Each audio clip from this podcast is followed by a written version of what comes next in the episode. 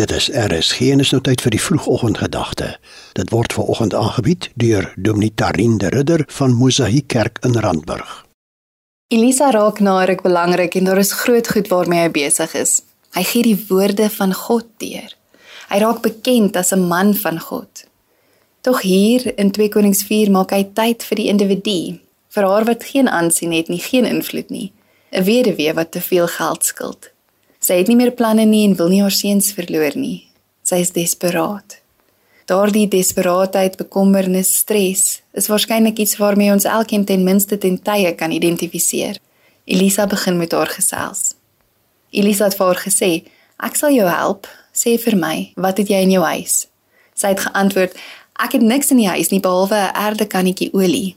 Hy het toe gesê: "Gaan leen nou by al jou bure leë kruike en sorg dat jy nie te min leen nie." Dan gaan jy in jou huis in, maak die deur agter jou en jou seuns toe en gooi elkeen van hierdie kruike vol olie. Soos elkeen vol word, moet jy hom wegpak. Die wonderwerk is mos dat sy baie kruike vol olie kon maak, dit verkoop en haar skuld kon afbetaal. In Elisa se optrede as verteenwoordiger van God, sien ek hier 'n weerspieëling van God se hart.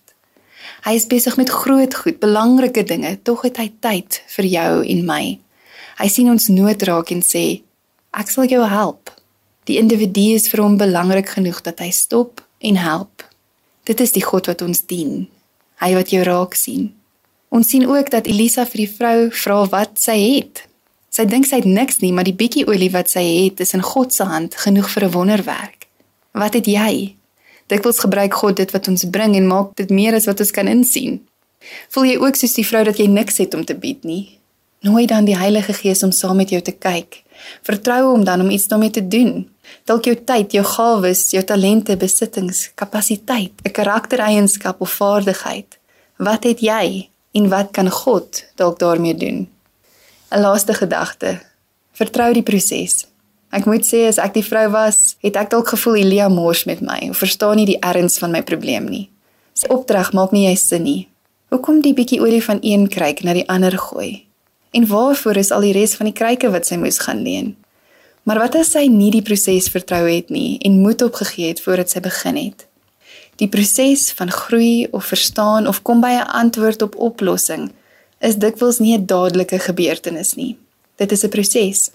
Kan ons God se proses met ons vertrou en waag?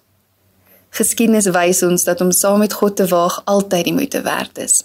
Mag die reis in ons lewens ook getuig van 'n liefdevolle, betrokke God wat kreatief besig bly met elkeen van ons. Dit was die vroegoggendgedagte hier op RSG, aangebied deur Dominee Tarin de Ridder van die Mosaïek Kerk in Randburg.